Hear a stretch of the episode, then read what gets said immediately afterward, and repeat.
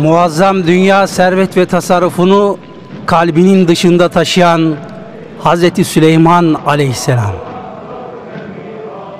Süleyman Aleyhisselam Gazze'de doğdu. Babası Davut Aleyhisselam vefat ettiğinde 12-13 yaşlarındaydı. Babası gibi önce hükümdar, sonra peygamber oldu. Beyt-i Makdis'i Mescid-i Aksa'yı 7 yılda inşa etti. Yemen'deki Sebe Melikesi Belkıs'la evlendi. Kudüs'te vefat etti. Süleyman Aleyhisselam çocukluğundan itibaren yüksek bir anlayışa sahip çok zeki biriydi. Onun bu hususiyetiyle ilgili olarak Resulullah sallallahu aleyhi ve sellem şöyle bir hadise anlatır. Vaktiyle iki kadın ve beraberlerinde iki oğlan vardı. Yolda giderlerken bir kurt gelip kadınlardan büyük olanın çocuğunu alıp götürdü. Bunun üzerine bu kadın arkadaşı olan küçük kadına kurt senin çocuğunu götürdü dedi. Öbür kadın hayır senin çocuğunu götürdü dedi. Bu iki kadın aralarında hükmetmesi için Davut Aleyhisselam'ın oğlu Süleyman Aleyhisselam'a gittiler. Davut Aleyhisselam'ın hükmünü söylediler. Süleyman Aleyhisselam da bana bir bıçak getirin. Çocuğu bu iki kadın arasında paylaştırayım dedi. Bunun üzerine küçük kadın aman öyle yapma. Allah sana rahmet eylesin. Çocuk bu kadınındır dedi. Bunun üzerine Süleyman Aleyhisselam çocuğun küçük kadına ait olduğuna hükmetti. Çünkü analık şefkati evladının ölmesine razı gelemezdi. Süleyman Aleyhisselam'ın firasetiyle alakalı bir başka rivayette şöyledir. Bir gece bir koyun sürüsü bir tarlayı harap etmişti. Tarla sahipleri Davut Aleyhisselam'a gelip şikayetçi oldular. Telef olan tarla kıymet bakımından koyun sürüsüne müsaviydi. Bunun üzerine Davut Aleyhisselam koyunların tarla sahibine verilmesine hükmetti. Süleyman Aleyhisselam o sırada küçük yaşta olmasına rağmen babacığım bir yol daha var. Koyunları tarla sahibine borç olarak verelim. Sütünden ve yününden istifade etsin. Bu arada tarlayı düzenlesin. Tarla eski haline gelinceye kadar koyunlar kendisinde kalsın. İşleri yoluna girince de sürüyü sahibine teslim etsin dedi. Davud aleyhisselam bu teklifi çok beğendi ve öyle hükmetti. Ayet-i kerimede şöyle buyurulur. Davud ve Süleyman'ı da yad et. Bir zaman bir ekin hususunda hüküm veriyorlardı. Hani o kavmin koyunları geceliğin başıboş bir vaziyette bu ekinin içine dağılıp ziyan vermişti. Biz onların hükmünü görüp bilmekteydik. El-Enbiya 78 Böylece bu fetvayı Süleyman'a biz anlatmıştık. Biz onların her birine hüküm ve ilim, hükümdarlık, peygamberlik verdik. El-Enbiya 79 Davud Aleyhisselam son derece firaset sahibi olması ve Hakk'a gönülden bağlılığı sebebiyle Hazreti Süleyman'ı 19 oğlu arasından kendi yeni halife olarak seçti. Fakat İsrailoğulları bu tayine karşı çıktılar. Süleyman çocuk sayılır. Aramızda ondan daha üstün ve büyük kimseler var dediler. Bunun üzerine Davut Aleyhisselam indi ilahiden gelen emir mucibince alimlerin huzurunda bir imtihan gerçekleştirdi. Oğlu Süleyman'a doğruluğu diğer cüzlerin doğruluğuna, bozukluğu da diğer cüzlerin bozukluğuna sebep olan nedir diye sordu. Süleyman Aleyhisselam kalptir dedi. Bu cevabı çok beğendiler. Daha sonra Davut Aleyhisselam herkesin asasının üzerine ismini yazıp bir odaya kilitledi.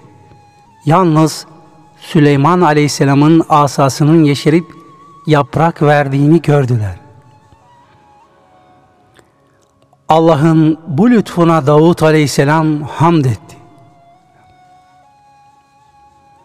İsrailoğulları da Hazreti Süleyman'ı halife olarak kabul ettiler, çok sevindiler.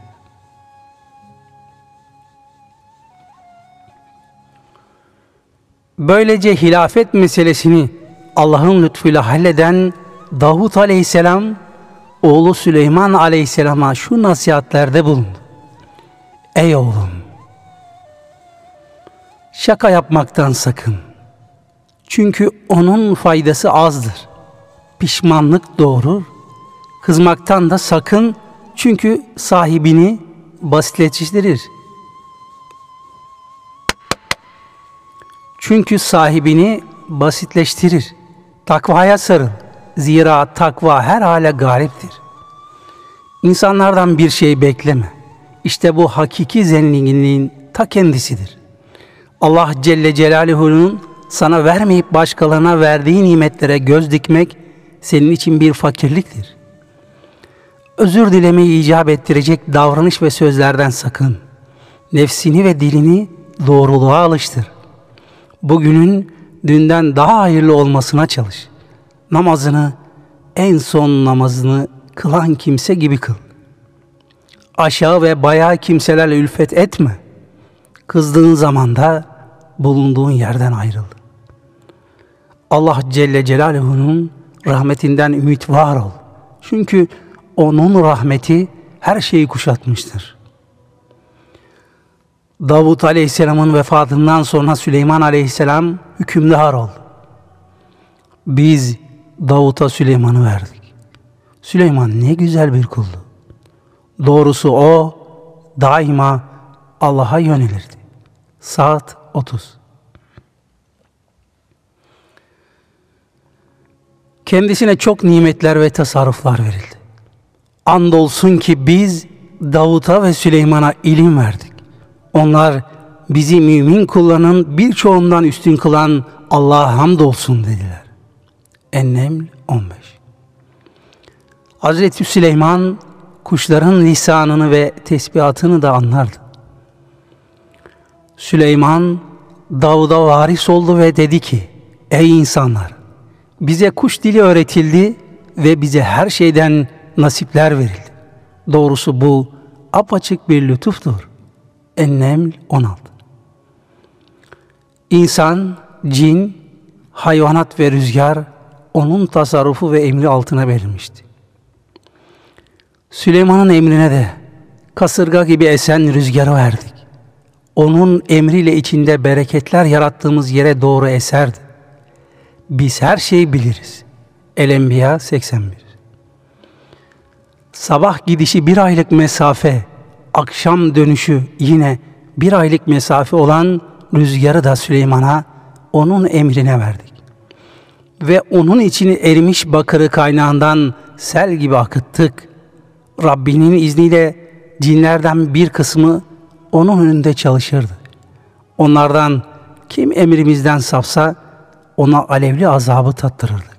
Sebe 12 Süleyman için o ne dilerse mabetler, heykeller, büyük havuzlara benzer çanaklar ve taşınması güç kazanlar yaparlardı. Ey Davut ailesi şükredin.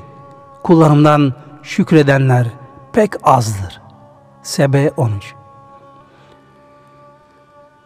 Bu ayeti kerimede geçen temasil kelimesi bakır, toprak ve camdan yapılmış canlı ve cansızların heykelleri, resimleri veya tasvirleri olarak yorumlanmıştır.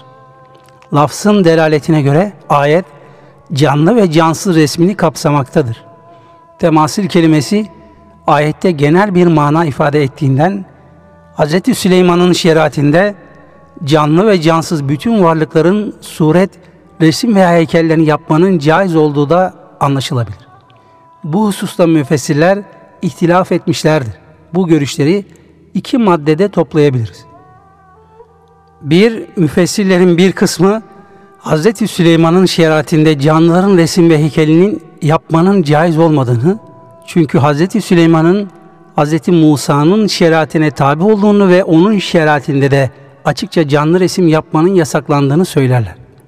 Bu görüşe göre temasil kelimesi yalnız cansız varlıkların resmini kapsamaktadır. Dolayısıyla İslam'daki canlı resim yasağına uygunluk arz etmektedir. Şayet Süleyman Aleyhisselam'ın şeriatinde resim ve heykele cevaz verilmişse bunun o zamanlar henüz putlara tapılma endişesi bulunmadığından kaynaklandığı da düşünülebilir. 2. Bazı müfessirlerse Hz. Süleyman'ın şeriatinde canlı ve cansızların heykel veya resmini yapmanın caiz olduğunu iddia etmişlerdir. O halde Kur'an-ı Kerim'de bu anlatıldığına göre canlı ve cansızların heykel ve resmini yapmanın İslam'da da caiz olduğu hükmüne varılabilir mi? Bu suale İslam hukukçuları ve müfessirler İslam'da manzara, dağ, orman ve ağaç gibi yalnız cansız varlıkların ve nebatatın resmini yapmak caizdir diye hüküm vermişlerdir. Çünkü Hz. Peygamber sallallahu aleyhi ve sellem birçok hadis-i şerifinde canlıların resmini yapmayı yasaklamıştır. Resimle alakalı hadis-i şerifler bu hususu izah etmektedir. Nitekim İbn Abbas radıyallahu anhumanın rivayetine göre Resulullah sallallahu aleyhi ve sellem Efendimiz şöyle buyurmuşlardır. Kim dünyada bir canlı resmi yaparsa kıyamet günü yaptığı o resme can vermeye zorlanır. O ise resme asla can veremez. Yine İbn Abbas radıyallahu anhuma'nın anlattığına göre Resulullah sallallahu aleyhi ve sellem Mekke'nin fethi günü Beytullah'ta tasvirler görünce içeri girmemiş, onların imha edilmesini emretmiştir. İçeride Hz. İbrahim ve Hz. İsmail aleyhisselamın ellerinde kumar okları bulunur, vaziyetteki resimlerini görmüştü. Şöyle buyurdu.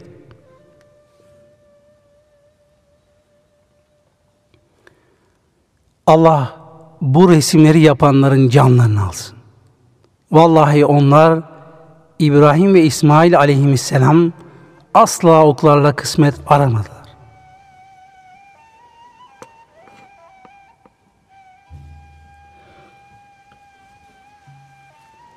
Netice olarak Hazreti Süleyman'ın şeriatinde canların resim ve heykelini yapmanın caiz olduğu kabul edilse bile bu fiil İslam'da kesinlikle yasaklanmıştır. Nitekim İbn Mesud radıyallahu anh'ın haber verdiğine göre Hz. Peygamber sallallahu aleyhi ve sellem canlı resim yapanların kıyamet günü azabının en şiddetlisine çarptırılacağını bildirmiştir. Çünkü resim ve heykele gösterilen aşırı ihtimam neticede insanları putperestliğe götürmüştür. Hz. Ayşe radıyallahu anh'a da şöyle anlatır. Cebrail aleyhisselam Resulullah sallallahu aleyhi ve selleme belli bir saatte geleceğini vaat etmişti. Vakit gelmiş fakat Cebrail aleyhisselam gelmemişti. Resulullah sallallahu aleyhi ve sellem elinde bulunan sopayı yere attı ve Allah da Resulleri de vaadinden caymaz buyurdu. Sonra etrafa bakınmaya başladı. Bir de ne görsün? Sedirin altında bir köpek eni. Bunun üzerine Ey Ayşe bu enik buraya ne zaman girdi diye seslendi. Ben de Allah'a yemin ederim ki bilmiyorum dedim.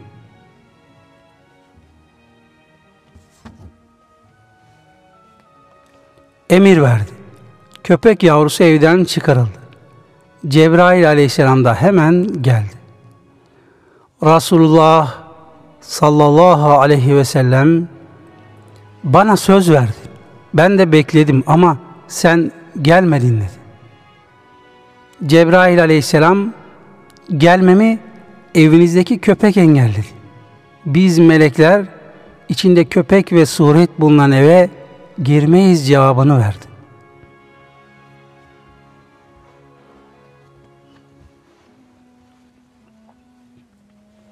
Bu hadis-i şerifte köpekle birlikte zikredilen suret sırf resim olarak telakki edilmemelidir. O canlı varlıkların heykel veya kabartmalı bir şekilde tasvirini de içine almaktadır. Resim ise bir gölgenin tespiti gibidir. Hacme sahip değildir. Bununla beraber suret her türlü canlı varlığın resmine şamil bir surette telakki edilse bile onun hakkındaki yasağın putperestliğin yakın olduğu bir zaman sebebiyle vaki olduğu da düşünülebilir. Diğer taraftan günümüzde resim ve fotoğrafın günlük hayatta kullanım sahasının genişlemiş olduğu ve bazı durumlarda zaruri bir ihtiyaç haline geldiği de malumdur. Dinamik bir yapıya sahip olan İslam dini, zaman içinde zaruret mevkine gelen bu tür ihtiyaçlar için belli bir meşruiyet sınırı belirleyerek onun kullanılmasına müsaade etmiştir. Geri gelmişken şunu da hatırlatalım ki yukarıdaki hadis-i şerifte ifade edildiği üzere içinde köpek bulunan eve melek girmemesi de mühim bir hakikate işaret etmektedir. Yüce dinimiz İslam, ev içinde köpek beslenmesini yasaklamıştır. Zira köpeğin nefesi ve salyası necistir. Nitekim köpeklerin salyalarından, tüylerinden ve hatta nefeslerinden çeşitli bulaşıcı hastalıkların husule geldiği artık günümüzde şüphe götürmez bir ilmi gerçektir. Üstelik bunlar ilmin bugünkü ulaştığı noktada tespit edebildiği gerçeklerdir.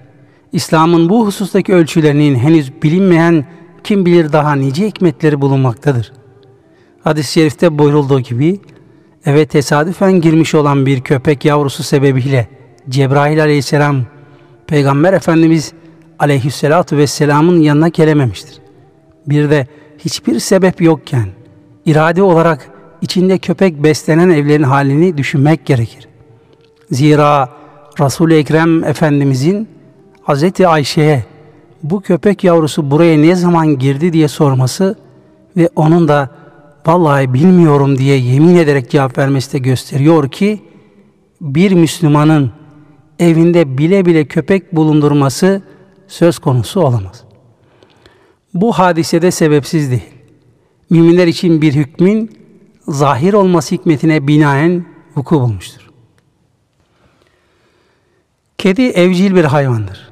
Onun evde bulunmasında mahsur yoktur. Fakat ev içinde köpek beslemek caiz değildir. Ancak avcılık, çobanlık ve bağ bahçe bekçiliği gibi vazifeler için o da evin dışında olmak kaydıyla köpek beslenmesine müsaade edilmiştir.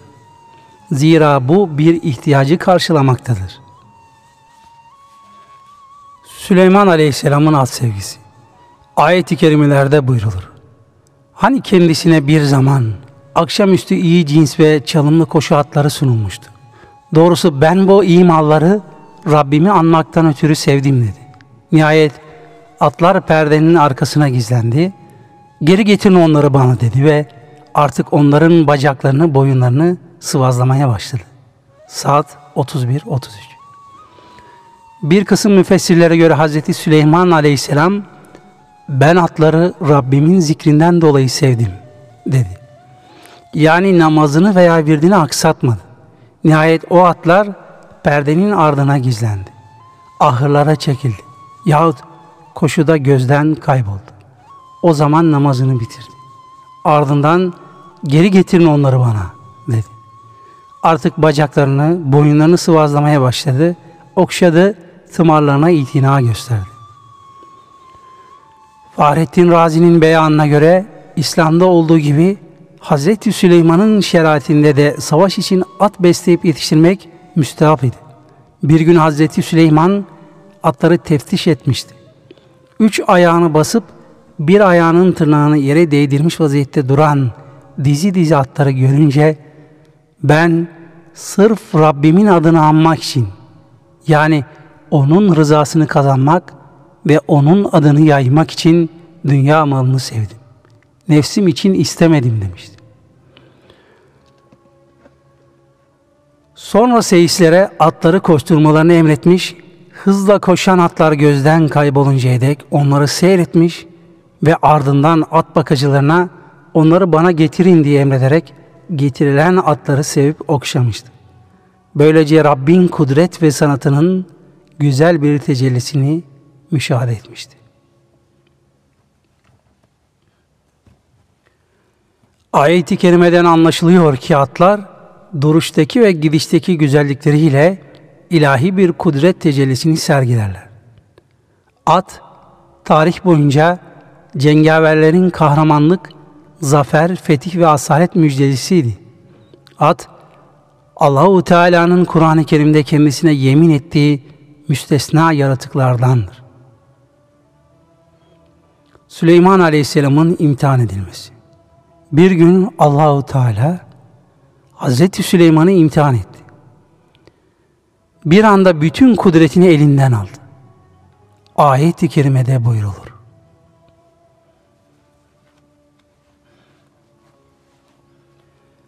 Andolsun ki Süleyman'ı imtihan ettik. Tahtının üstünde bir ceset gibi bırakıverdik. Sonra tevbe ile eski haline döndü. Saat 34. Süleyman Aleyhisselam'ın bir anda her şey elinden alınmış, hiçbir şey kalmamıştı. Ayette geçen fitne yani imtihan hakkında çeşitli rivayetler vardır. 1. Hz. Süleyman Mescid-i Aksa'yı yaptırdığı sırada getirdiği sanatkarlar içinde sanatların hilelerini bilen bir takım şeytanların kurdukları bir ihtilal yüzünden bir süre nüfuzunu kaybetmiş yahut tahtından ayrı kalmış. Böylece tahtında ya kendisi kuvvetsiz bir ceset halinde hükümsüz kalmış yahut tahtı da işgal edip yerine 40 gün kadar heykel gibi birisi oturtulmuştu. 2. Bir rivayette Süleyman Aleyhisselam zevcelerinin hepsinden oğlan çocuğu olmasını ve bunların da Allah yolunda küffar ile cihat etmelerini istedi. Fakat inşallah diyerek Allah'ın ismini anmayı unuttu. Bunun üzerine ancak bir zevcesinden sakat bir oğlu dünyaya geldi. 3. Diğer bir görüşe göre Süleyman aleyhisselam şiddetli bir hastalıkla imtihan edildi. Tahtının üstünde cansız bir ceset gibi kaldı. 4. Başka bir rivayete göre ise Allahu Teala içine bir korku verdi. Öyle ki bela gelmesi endişesiyle Süleyman Aleyhisselam cansız bir ceset haline geldi. Sonra Allah'ın lütfuyla kendisine tekrar eski hali bahşedildi. Süleyman Aleyhisselam şöyle istiğfar etti. Rabbim beni bağışla. Bana benden sonra kimsenin ulaşamayacağı bir hükümranlık ver. Şüphesiz sen daima bağışta bulunansın dedi.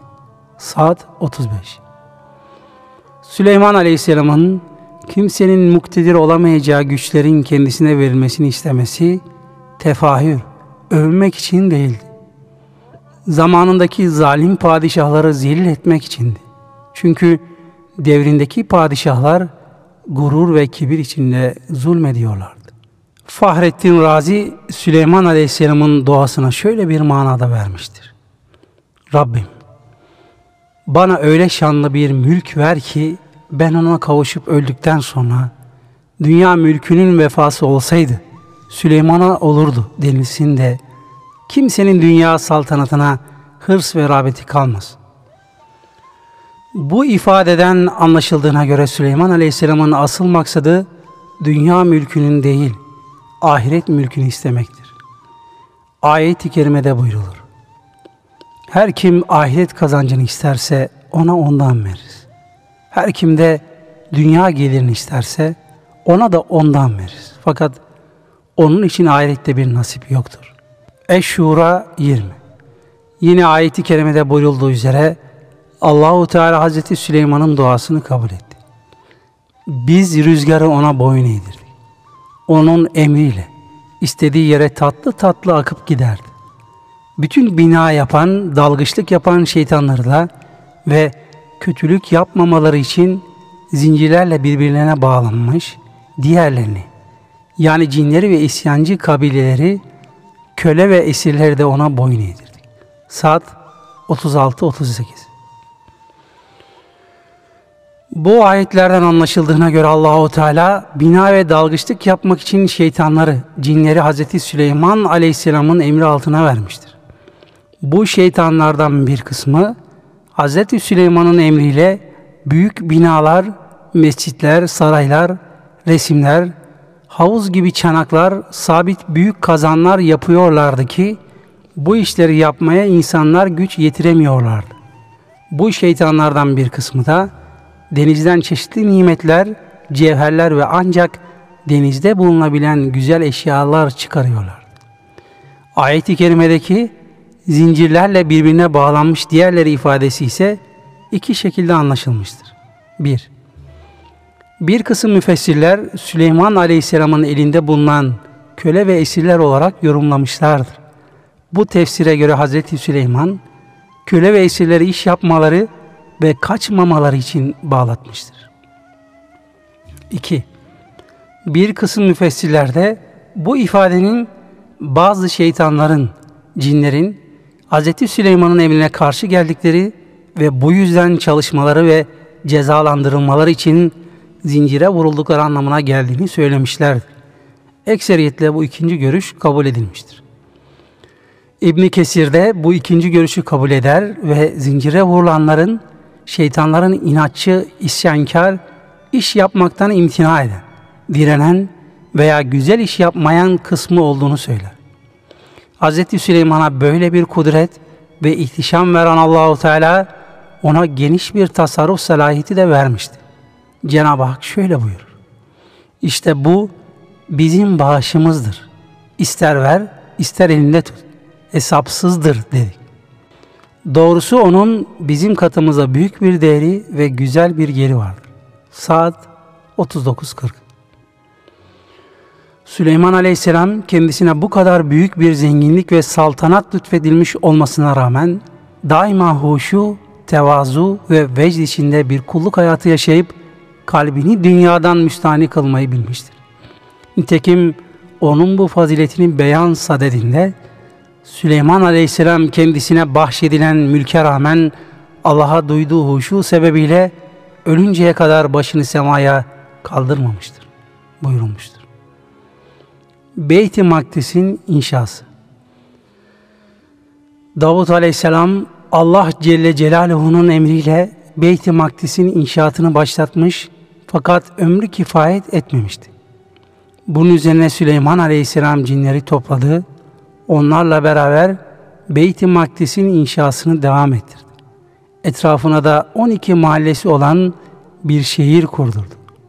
Milattan önce 967 veya 953. Başlangıçta Beyt-i Makdis diye bilinen bu madenin ismi sonradan Mescid-i Aksa oldu. Fazileti bakımından üç büyük mescitten biridir. Bu üç mescidin birincisi Mescid-i Haram, Kabe, ikincisi Mescid-i Nebevi, üçüncüsü ise Mescid-i Aksa'dır. İçinde mukaddes emanetlerin ve Tevrat levhalarının bulunduğu tabut da bu mescitte bulunmaktaydı. Beyt-i Makdis, Süleyman Aleyhisselam'ın vefatından sonra muhtelif zamanlarda birkaç kez tahrip olmuştur.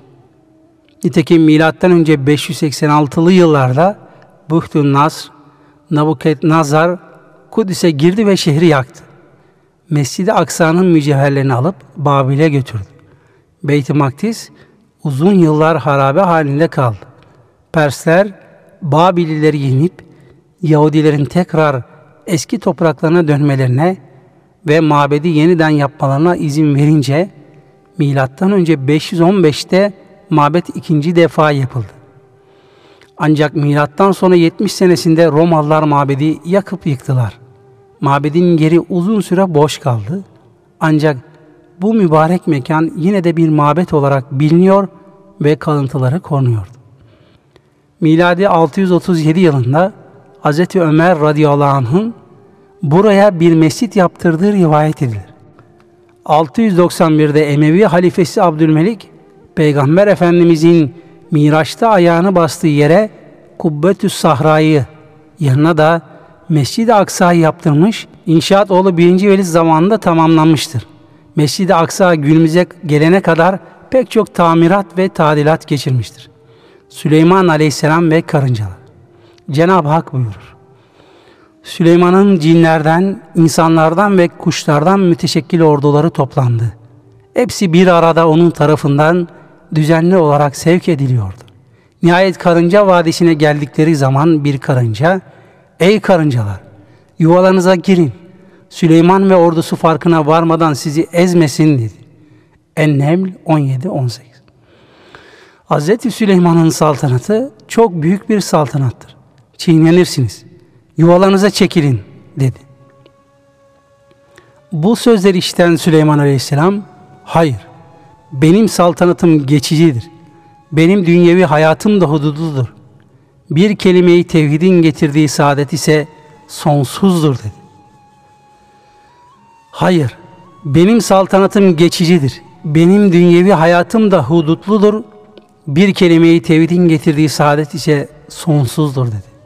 Ayeti kerimede buyurulur.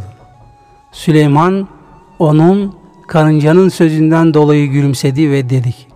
Ey Rabbim beni gerek bana gerekse ana babama verdiğin nimete şükretmeye ve hoşnut olacağın salih ameller işlemeye muvaffak kıl. Rahmetinle beni salih kulların arasına kat. En-Neml 19 Ayet-i kerimede buyurulduğu üzere Süleyman Aleyhisselam bütün saltanatına rağmen büyük bir tevazu ve kulluk şuuru içinde kendisiyle birlikte ana babası için Hakk'ın rahmetine sığınmıştır. Süleyman Aleyhisselam'ın annesinin bir nasihatini Peygamber Efendimiz sallallahu aleyhi ve sellem şöyle haber vermişlerdir. Yavrum, geceleri çok uyuma. Zira geceleri çok uyumak kıyamet günü insanı fakir bırakır. Bu bakımdan ahiretin fakirleri durumuna düşmemek için dünyanın rahatına ve saltanatına aldanmadan Hakk'a kulluk yolunda gayret göstermek icap eder. Süleyman Aleyhisselam Hüt kuşu ve Belkıs Süleyman Aleyhisselam Mescid-i Aksa'nın inşaatının bitmesiyle rüzgar, cinler, insanlar, kuşlar ve diğer vahşi hayvanlardan meydana gelen ordusuyla birlikte Mekke'ye doğru bir yolculuk yaptı. Hz. Muhammed sallallahu aleyhi ve sellem Efendimizin Mekke'yi teşrif edeceklerini de haber verdi. Oradan Sana şehrine geçti. Gördüğü güzel bir vadide namaz kılmak istedi. Bu arada Hütüt onlar namaz kılana kadar etrafı dolaşmak arzusuyla ordudan ayrıldı. Orada rastladığı diğer hütüt kuşlarının arasına karıştı. Gittiği yerlerde gördüğü manzaralar karşısında hayran kaldı. Öbür hütüt kuşları onu Belkıs'ın sarayının bahçelerine gezdiler. Bu sırada Süleyman Aleyhisselam abdest suyu bulması için Hüdhüd'ü aradı. Çünkü Hüdhüd'ün vazifesi abdest almak için su bulunan mıntıkaları bildirmekti. Süleyman Aleyhisselam ne kadar aradıysa da Hüdhüd'ü bulamadı. Ayet-i kerimelerde bu hal şöyle bildirilir.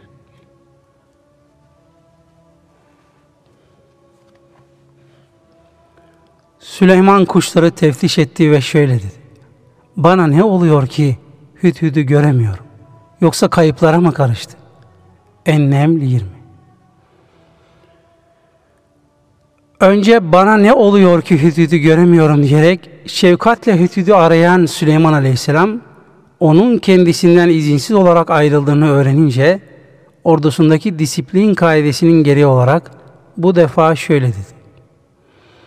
Ya bana mazeretini gösteren apaçık bir delil getirecek ya da onu şiddetli bir azaba uğratacağım yahut boğazlayacağım. Ennem 21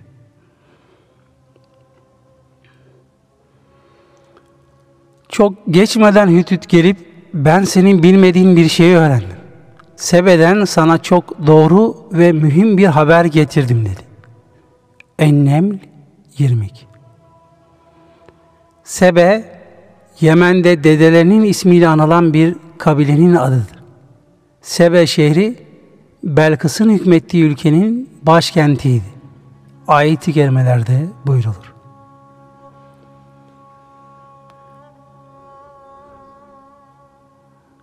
Andolsun Sebe kavmi için oturduğu yerlerde büyük bir ibret vardır. Biri sağda, diğeri solda iki bahçeleri vardı. Onlara Rabbinizin rızkından yiyin ve ona şükredin. İşte güzel bir memleket ve çok bağışlayan bir Rab demiştik. Sebe 15 Hüdhüd gördüklerini Süleyman Aleyhisselam'a anlatmaya devam etti. Gerçekten onlara Sebellere hükümdarlık eden, kendisine her şey verilmiş ve büyük bir tahtı olan bir kadınla karşılaştım. Ennem 23 Onun ve kavminin Allah'ı bırakıp güneşe secde ettiklerini gördüm. Şeytan kendilerine yaptıklarını süslü göstermiş de onları doğru yoldan alıkoymuş. Bunun için hidayeti bulamıyorlar. Ennem 24 Şeytan göklerde ve yerde gizleneni açığa çıkaran, gizlediğinizi ve açıkladığınızı bilen Allah'a secde etmesinler diye böyle yapmış. Halbuki yüce arşın sahibi olan Allah'tan başka ilah yoktur. Ennem 25-26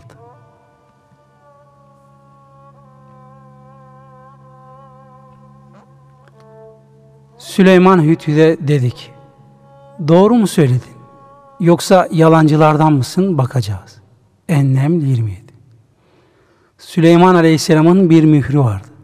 Yüzük taşı şeklinde taşıdığı bu mührü parmağına geçirdiğinde bütün mahlukat kendisine itaat ederdi. Rivayet edildiğine göre üzerinde La ilahe illallah Muhammedur Resulullah yazılıydı. Hz. Süleyman Besmele ile başlayan bir mektup yazdı. Üzerine de meşhur mührünü vurarak hüthüde verdi. Ardından da şöyle tembihledi. Şu mektubumu götür. Onu kendilerine ver. Sonra onlardan biraz çekil de ne sonuca varacaklarına bak. Ennem 28 Hütüt mektubu aldı ve Belkıs'ın tahtının üzerine bıraktı. Sonra bir kenara çekilip olanları seyretmeye başladı. Sabahleyin uykudan kalkan Belkıs, tahtının üzerindeki mektubu gördü. Kimin getirdiğini merak etti. Çünkü kapılar kapalıydı, muhafızlara sordu. Bu mektubu kim getirdi dedi. Onlar da bizler kapının önünde bekçiydik. Hiç kimse içeri girmedi dediler. Bunun üzerine Belkıs şaşkınlıkla mektubu açtı, okudu ve hayretler içinde kaldı. Derhal kavminin ileri gelenlerini topladı ve onlara beyler, ulular bana çok önemli, şerefli bir mektup bırakıldı dedi. Mektup Süleyman'dandır. Rahman ve Rahim olan Allah'ın adıyla başlamaktadır.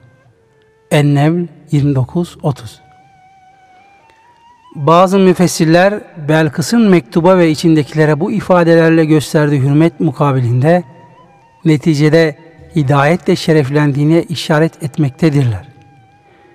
Belkıs mektubu okumaya devam etti. Hz. Süleyman bana baş kaldırmayın, teslimiyet gösterip bana gelin diye yazmaktadır. Ennem 31 Süleyman Aleyhisselam mektubundaki besmele ile Belkıs'a ibadetin yalnız Allah'a yapılacağını anlatmıştı. Böylece hak itikadı beyanından sonra bana karşı tekebbürde bulunmayın buyurmak suretiyle de nefs muhasebesine davet etti ve bana Müslümanlar olarak gelin buyurdu. Bu şekilde bütün saadetin İslam'da olduğunu ifade etti. Sonra Melike Belkıs dedik. Beyler, Ulular, bu işinde bana bir fikir verin. Bilirsiniz siz yanımda olmadan, size danışmadan hiçbir iş hakkında kesin karar vermem.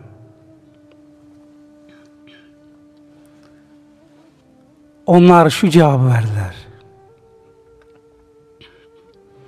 Biz güçlü kuvvetli kimseleriz. Zorlu savaş erbabıyız. Bu ülke senindir. Artık ne buyuracağını sen düşün. Ennem 32-33 Melike Belkıs hükümdarlar bir memlekete girdiler mi orayı perişan ederler ve halkının ullarını alçaltırlar. Herhalde onlar da böyle yapacaklardır. Ben şimdi onlara bir hediye göndereyim de bakayım elçiler ne gibi bir sonuç ile dönecekler dedi. Ennem 34 35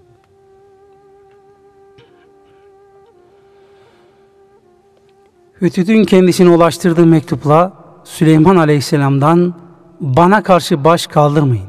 Teslimiyet göstererek bana gelin mesajını alan Belkıs, durumu halkının ileri gelenleriyle yani istişare kuruluyla görüşmüş, neticede Süleyman Aleyhisselam'a elçiler gönderip kıymetli hediyeler takdim ederek onun baskısından emin kalma kararını vermişti.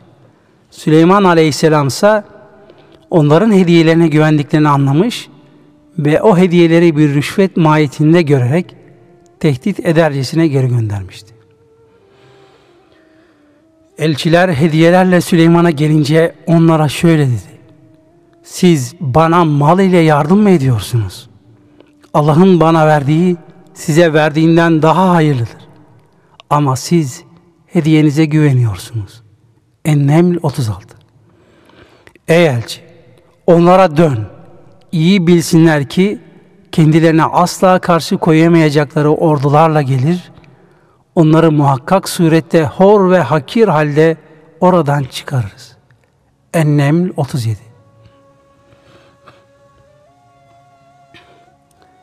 Elçiler Melike'ye varıp Süleyman Aleyhisselam'ın dediklerini anlattıklarında o, niyetimizi anlamış olmalı.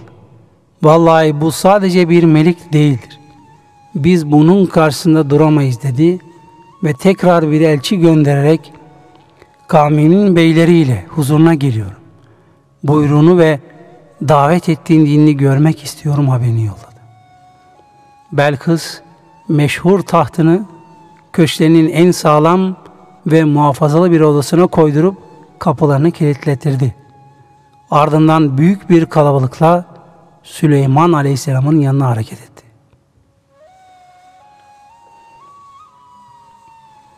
Bu arada Süleyman Aleyhisselam yanındakilerden Belkıs'ın Sebe'de bulunan tahtını getirmelerini istedi. Bundan maksadı müfessirlere göre şunlardı. 1. Belkıs için Allah'ın kudretine ve kendisinin peygamberliğine delalet eden bir mucize ve önceki delillere ek olarak yeni bir delil göstermek. 2. Getirdiği tahtı değiştirmek suretiyle bunu tanıyıp tanıyamaması bakımından Belkıs'ın aklını denemek. 3. Taht bir krallık göstergesidir. Belkıs gelmeden krallığının ne derecede olduğunu öğrenmek. Süleyman müşavirlerine dedi ki, Ey ulular! Onlar teslimiyet gösterip bana gelmeden önce hanginiz o melikenin tahtını bana getirebilir? Cinlerden bir ifrit. Sen makamından kalkmadan ben onu sana getir. Gerçekten bu işe gücüm yeter ve bana güvenebilirsiniz dedi. Emnem 38-39 Süleyman Aleyhisselam sabahleyin tahtına oturur. Dünyanın iş ve idaresiyle meşgul olur. Öğleye doğru tahtından kalkardı. Buna göre ifrit Belkıs'ın tahtını sabah ile öğle arasındaki kadar bir zamanda getirebileceğini söylemekteydi. Kitaptan Allah tarafından verilmiş bir ilmi olan kimse ise gözünü açıp kapamadan ben onu sana getiririm dedi. Süleyman onu Melike'nin tahtını yanı başında yerleşmiş olarak görünce bu Rabbimin gösterdiği lütfundandır. Şükür mü edeceğim yoksa nankörlük mü edeceğim diye beni imtihan etmek için bu lütufta bulunmuştur. Şükreden ancak kendisi için şükretmiş olur. Nankörlük edene gelince o bilsin ki Rabbimin hiçbir şeye ihtiyacı yoktur. Çok kerem sahibidir dedi. Ennem 40 Kuvvetli görüşe göre tahtı göz açıp kapamadan getiren ilim sahibi zat Süleyman Aleyhisselam'ın veziri Asaf bin Berhiya'dır. Keramet Belkıs'ın tahtının Süleyman Aleyhisselam'ın mucizesiyle değil de Asaf bin Berhiya'nın kerametiyle getirilmesindeki nükte Süleyman Aleyhisselam'ın manevi büyüklüğünün anlaşılması içindir. Zira Asaf bin Berhiya Süleyman Aleyhisselam'ın veziriydi. Süleyman devamla dedi ki, onun tahtını tanınmaz hale getirin. Bakalım tanıyacak mı yoksa tanımayacak mı?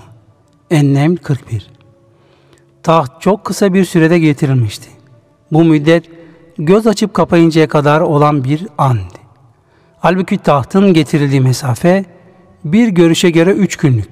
Sebe ile Sana arası, bir rivayete göre iki aylık, Sebe ile Şam arası, diğer bir görüşe göre de Sebe ile Kudüs arası mesafedir. Tahtın bu kadar kısa bir sürede getirilmesi sıradan bir hadise değil ancak bir keramettir. Melike Belkıs gelince senin tahtın da böyle mi denildi? O şöyle cevap verdi. Bu sanki odur.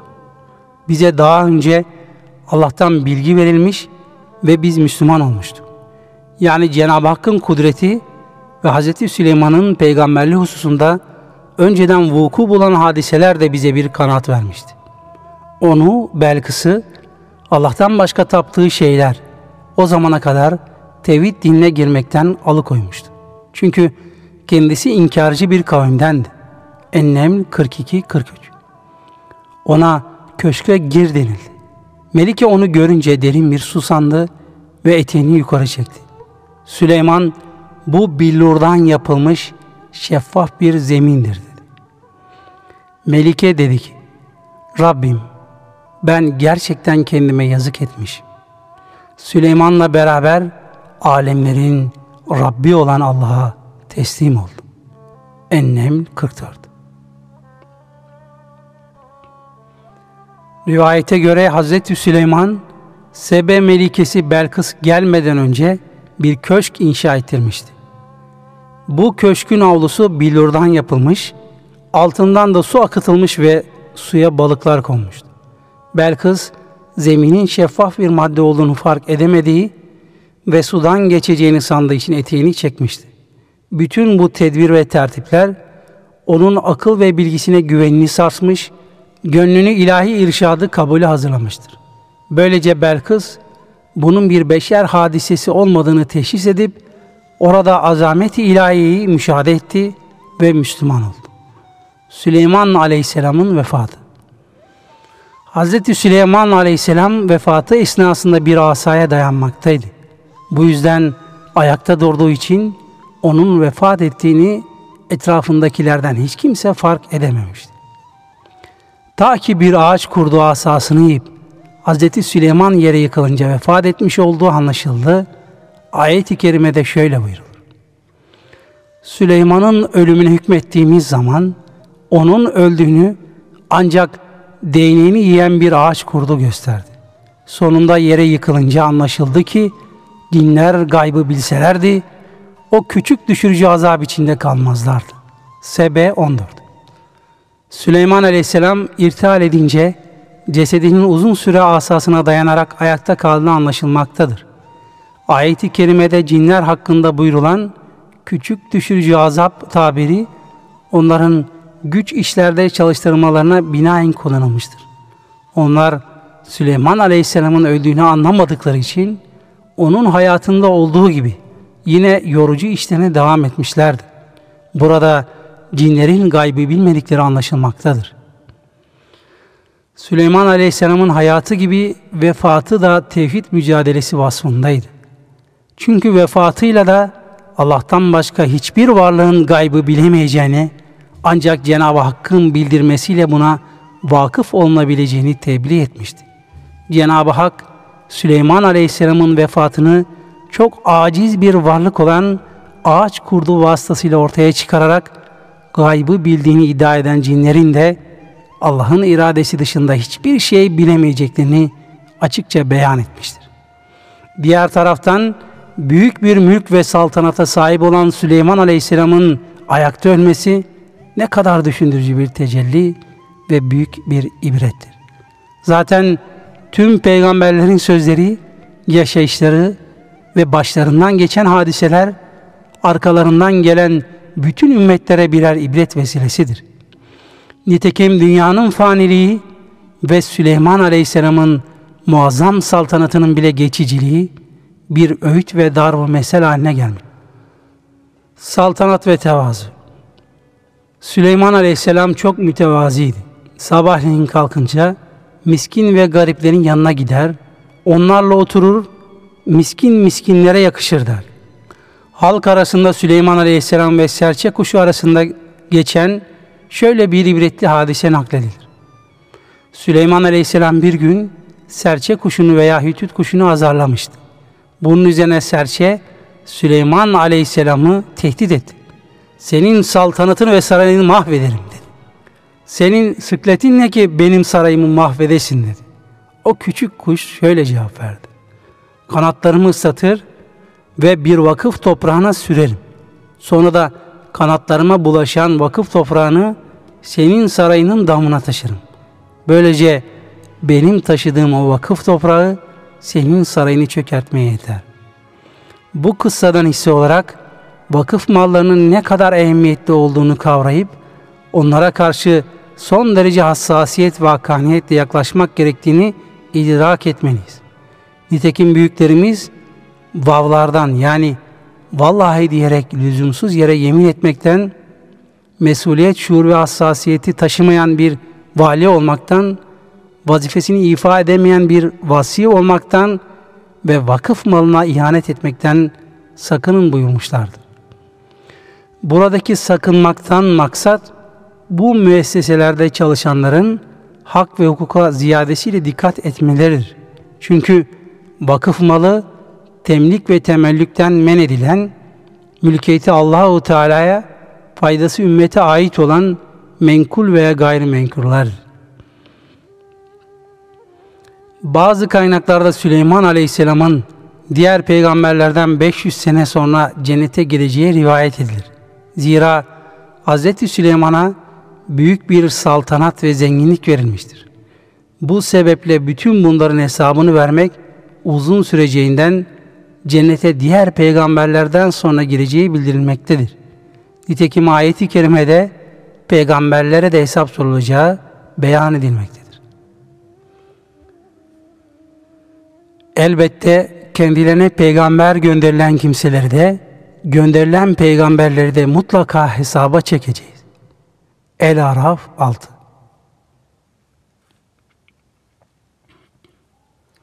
Hz. Süleyman'ın ardından 12 kabileden meydana gelen Beni İsrail Süleyman Aleyhisselam'dan sonra ikiye ayrıldı. 10 kabileden İsrail devleti, iki kabileden de Yahuda devleti kuruldu. 10 kabileden kurulan İsrail devletini milattan önce 721'de Asuriler yıktı. İki kabileden kurulan Yahuda devletini ise milattan önce 586'da Babil hükümdarı Buhtün Nasr yıktı. Buhdün Nas Kudüs'ü yaktı. Halkın büyük çoğunluğunu öldürdü. Kalanları da Babil'e sürdü. Bu zalim Nemrut'tan sonra dünya hakimiyetini eline geçiren ikinci imansız kraldır. Babil'i imar edip ülkesinin merkezi yaptı. Doğu ve batıda kendisine karşı koyacak kimse bırakmadı. Böylece gurura kapılarak tanrılığını ilan etti. Nihayet aklını zayi ederek kendisinin bir öküz olduğunu zannetmeye başladı. Yedi yıl ormanlarda dolaştı. Bu arada krallığı hanımı idare etti. Vefatından bir sene evvel aklı kendisine iade edilip böylece öldüğü rivayet edilir. Buhdinnas Kudüs şehrini defalarca yağmaladı. Tevrat ve Zebur'u yakıp ortadan kaldırdı. Böylece zaman geçtikçe Tevrat'ın birçok bölümü tabii olarak unutuldu. Hatırda kalanlar yazılmaya başlandığında ise Tevrat asli hüviyetini tamamen kaybetti. Birbirini tutmayan çeşitli risaleler ortaya çıktı. Takriben M.Ö. 500. yıllarda yaşamış olan Ezra, Yüzeyir yazılan bu Tevratları topladı. Mabedin ikinci kez yapılışında bulundu. Bugünkü Yahudi anlayışına göre o zamana kadar tamamen kaybolmuş olan Tevrat'ı Rab Yehuda Ezra'ya yeniden vahyederek yazdırmıştır.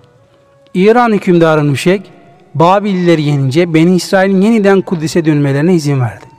İsrailoğulları M.Ö. 515 yılında Mescid-i Aksa'yı tamir ettiler. Önce Perslerin, sonra Makedonyalıların emri altına yaşadılar. Milattan sonra 63 yılında Romalılar Kudüs'ü zapt ederek Yahudileri tekrar dağıttılar. Mescid-i Aksa yeniden harap oldu. İsrailoğullarının bu kadar belaya duçar olmaları kendi azgınlıkları yüzündendi. Onlar bu azgınlıklarıyla nefislerine uymadığı için Tevrat ve Zebur'u değiştirmişler. Böylece hak dini bozmuşlardı. Bu davranışlarına mani olmak isteyen Zekeriya aleyhisselam ve Yahya aleyhisselam gibi bazı peygamberleri de hiç acımadan hunharca katletmişlerdi. Harut ve Marut kısası Yahudiler arasında sihir yaygındı. Bu yüzden Hazreti Süleyman'ın büyük bir sihirbaz olduğunu, hükümdarlığı da sihir ile elde ettiğini, hayvanlara ve cinlere büyü ile hükmettiğini söylerler ve buna inanırlardı. Ancak Hz. Süleyman Kur'an-ı Kerim'de peygamberler olarak tanıtılınca Muhammed Süleyman'ı peygamber sanıyor. Halbuki o bir büyücüdür demişlerdi. Bunun üzerine aşağıdaki ayeti kerime nazil oldu. Süleyman'ın hükümranlığı hakkında onlar şeytanların uydurup söylediklerine tabi oldular. Halbuki Süleyman sihir yapıp kafir olmadı. Lakin şeytanlar kafir oldular. Çünkü insanlara sihri ve Babil'de Harut ile Marut isimli iki meleğe indirileni öğretiyorlar. Halbuki o iki melek herkese biz ancak imtihan için gönderildik. Sakın yanlış inanıp da kafir olmayasınız demeden hiç kimseye sihir ilmini öğretmezlerdi. Onlar o iki melekten karı ile kocanın arasını açacak şeyleri öğreniyorlardı. Oysa büyücüler Allah'ın izni olmadan hiç kimseye zarar veremezler.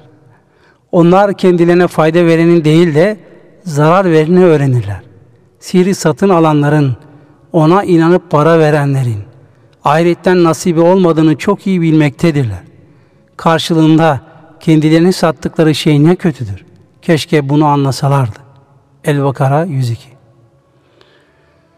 Müfessir Fahrettin Erazi, Harut ile Marut adlı iki meleğin yeryüzüne indiriş sebebini şöyle açıklar. A. Bu iki meleğin yeryüzüne indirildiği esnada sihirbazlar çoğalmıştı. Bunlar sihir mevzuunda daha önce bilinmeyen şeyleri ortaya çıkardılar ve peygamberlik iddiasında bulundular. Böylece insanlara meydan okudular. Bu sebeple Allahu Teala insanların peygamberlik iddia eden bu yalancıları tanıyıp onlara karşı koyabilmeleri için sihir öğretmek üzere bu iki meleği gönderdi. B. Mucizenin sihirden farklı olduğunu anlamak. Mucize ile sihirin ne olduğunu bilmeye bağlıdır. Halbuki insanlar o zaman sihrin mahiyetini bilmiyorlardı. Dolayısıyla onların mucizenin hakikatini bilmeleri de imkansızdı.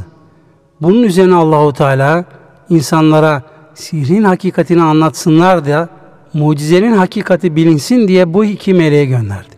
C. Diğer bir görüşe göre Allah'ın düşmanları arasına ayrılığı, dostları arasına da sevgiyi yerleştiren sihir, onlar için bir mübah veya mendup kılınmıştı. Bundan dolayı Allahu Teala bu gayeyle sihiri öğretsin diye o iki meleği gönderdi. Maalesef o günün insanlara daha sonra bu iki melekten öğrendikleri müsbet sihri menfi şekilde yani Allah'ın dostları arasına düşmanlık sokmak ve düşmanları arasında sevgi tesis etmek suretiyle zıddına ve yanlış istikamette kullanmışlardır. D. Sihir yasaklanmış olduğu için onun beşer için bilinen ve tasavvur edilen bir şey olması gerekir. Çünkü tasavvur olunamayan şeyin nehyedilmesi de düşünülemez. E. Belki de cinler bir benzerini insanların yapamayacağı çeşitli sihirler biliyorlardı. Cenab-ı Hak cinlere karşı korunabilecekleri şeyleri insanlara öğretmeleri için bu melekleri göndermişti. F. Bunun kulluk mükellefiyetini zorlaştıran bir imtihan olduğu da düşünülebilir. Çünkü insanın kendisini dünyevi lezzetlere ulaştıracak bir şeyi öğrendikten sonra ondan uzak durması daha zordur. Bu yüzden imtihan zorlaştıkça o imtihanı kazananların ecri de o nispette fazla olur. Bu sebeple insan yasaktan sakınarak daha büyük bir mükafat elde edebilir. Nitekim Hak Teala Talut'un kavmini savaşa girmekteyken sıcak bir günde nehirden su içme hususunda imtihan etmiş ve Talut emri ilahi mucibince kim o nehirden kana kana içerse benden değildir. Eliyle bir avuç içtiği müstesna. Kim de ondan izin verilenden fazlasını tatmazsa işte şüphesiz o bendendir. El-Bakara 249 demiştir. Velhasıl bütün bu izahlardan da anlaşılacağı üzere Allahu Teala'nın o melekleri sihiri öğretmek üzere indirmesinde pek çok hikmetler bulunmaktadır. Şüphesiz ki Allahu Teala her işinde hikmet sahibidir ve her şeyi en iyi bilendir.